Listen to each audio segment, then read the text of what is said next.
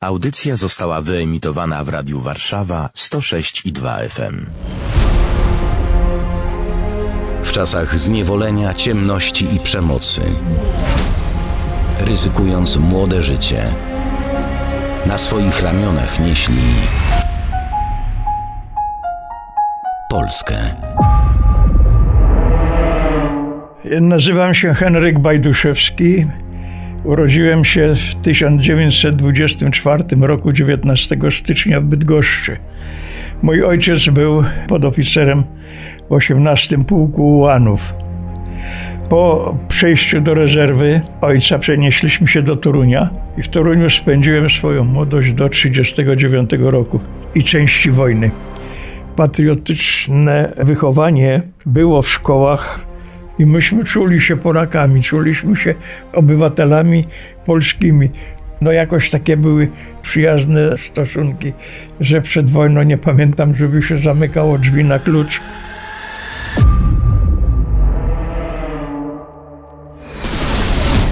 Jak wybuchła wojna, moja rodzina się dała też podpuścić i szliśmy w nieznane, nie wiadomo po co.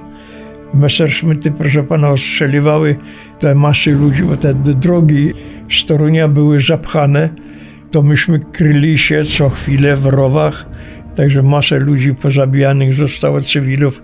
To było straszne przeżycie, także wróciliśmy z powrotem. Na Pomorzu zabroniona była rozmowa po polsku. Rozpoczęły się rewizje Dużo ludzi w Toruniu zostało aresztowanych. Mój ojciec po niemiecku bardzo dobrze mówił i moja mama tak samo, pomorzanka. Nas nie czepiano się. W 1942 roku e, nasza rodzina dostała wezwanie na niemiecką komisję narodowości. E, zapytano mnie, czy chciałbym iść do wojska niemieckiego. Ja odpowiedziałem, że nie, bo jestem Polakiem. Wyrzucili nas z przekleństwami. Obawialiśmy się najgorszego. Natomiast pod koniec września otrzymałem z Urzędu Miasta Ausweis III Grupy Niemieckiej. Zostałem wezwany w październiku na komisję wojskową. Było nas bardzo dużo toruniaków.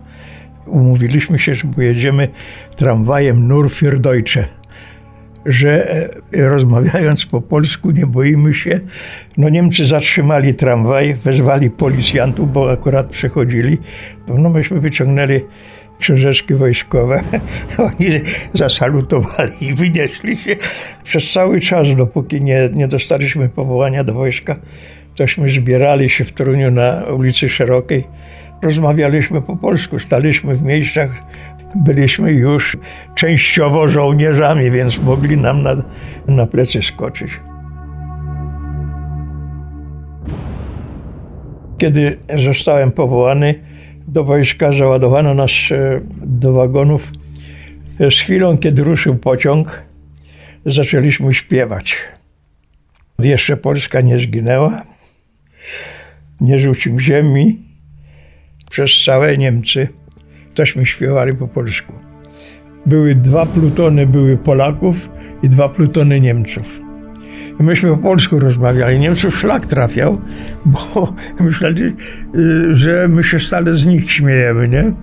Po cholerę mają wiedzieć, że my umiemy po niemiecku. Naszą całą uwagę skupiało to, żeby nauczyć się tego rzemiosła żołnierskiego, żeby jak dostaniemy się do Wojska Polskiego, to żebyśmy byli już gotowymi żołnierzami. Po zakończeniu tego szkolenia zostałem, prawie cała kompania nasza została przetransportowana do południowej Francji. Do Port Saint-Louis du Rhône na sztycpunkt, tak zwane miejsce obronne. E, zupełnie przypadkiem w jednej z e, kafejek poznaliśmy jedną, jedyną Polkę, która mieszkała w tym miasteczku. Myśmy nawiązali kontakt z francuskim ruchem oporu, gdzie jakie urządzenia się znajdują na tych poszczególnych e, stanowiskach. Myśmy tam ustalili z nimi w ten sposób, że jeżeli dojdzie do inwazji w południowej Francji, Francuzi z lądu zaczęliby powiedzmy atakować, a my ze środka byśmy neutralizowali ostrzał. To nie było łatwe, bo pilnowali nas. Oni nie potrafili nas mimo wszystko utrzymać w ryzach.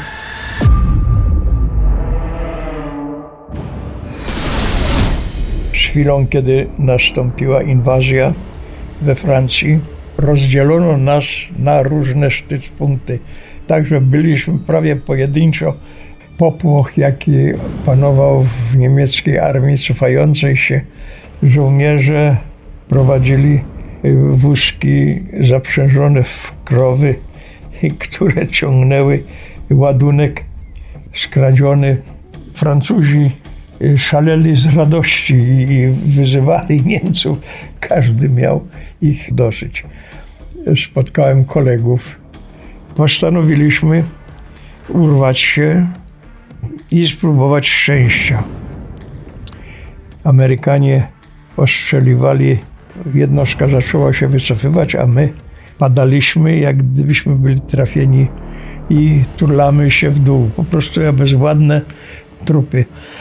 To pierwsze, co zrobiłem i koledzy moi, tośmy gapy pozrywali z mundurów niemieckich. Idą żołnierze, no to są na pewno Amerykanie i, i powiedzieliśmy, że jesteśmy Polakami. Podaliśmy im informacje, gdzie, co, jak. No i z, widzieliśmy, jak na szosie czołgi ruszyły pędem za cofającymi się Niemcami. Już skończyła się ta nasza y, mordęga w tym znienawidzonym wojsku. Zostaliśmy przetransportowani do Włoch, do drugiego korpusu Wojska Polskiego.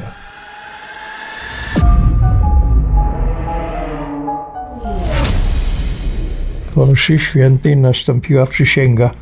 Słowa przysięgi powtarzaliśmy za księdzem kapelanem głosami silnymi wokoło. Brzmiało to jak grzmot której słowa wkładało się całą miłość i chęć służenia swojej ojczyźnie na wierność Polsce. Tyle mogę powiedzieć na temat przyjęcia munduru polskiego żołnierza. 14 października byłem już żołnierzem w drugim korpusie e, Wojska Polskiego na Zachodzie. Z uwagi na to, że miałem umiejętności pracy z e, urządzeniami mechanicznymi, zgłosiłem się jako kierowca. Chciałem się dostać do wojsk pancernych. No i dostałem awans na starszego strzelca, że jestem starszym pancernym, bo zostałem skierowany po tym kursie do Centrum Wyszkolenia Wojsk Pancernych do czołówki naprawczej. I tam w tej czołówce naprawczej byłem do końca e, wojny.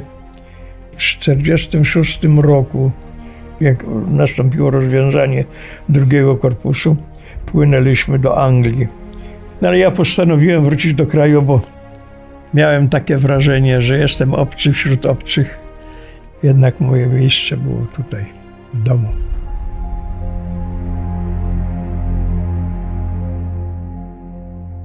E, wrażenie powrotu do kraju było no, nieprzyjemne. Z chwilą, gdy tylko zacumowano ten statek na nabrzeżu, otaczają żołnierze KBW z karabinami. Pokazano nam, że nie mamy na co liczyć. Także po zaewidencjonowaniu, uzyskaniu dokumentów, no i rano następnego dnia byłem już w Toruniu. Dla mnie ojczyzna to znaczy to, bez czego nie wyobrażam sobie życia. I jedno, co mi pozostało, to to, że jest jednak jedna, jedyna ojczyzna, której człowiek może być szczęśliwy, było jedynym celem żeby wyjść cało i wrócić do domu, móc pracować dla dobra ogółu społeczeństwa. Młodzi, wolni, pełni ideałów. Dzięki nim żyjemy w Polsce, w wolnej Polsce. Z wdzięczności za Polskę. Dofinansowane przez Polską Fundację Narodową. Audycja powstała we współpracy ze Stowarzyszeniem Paczka dla Bohatera.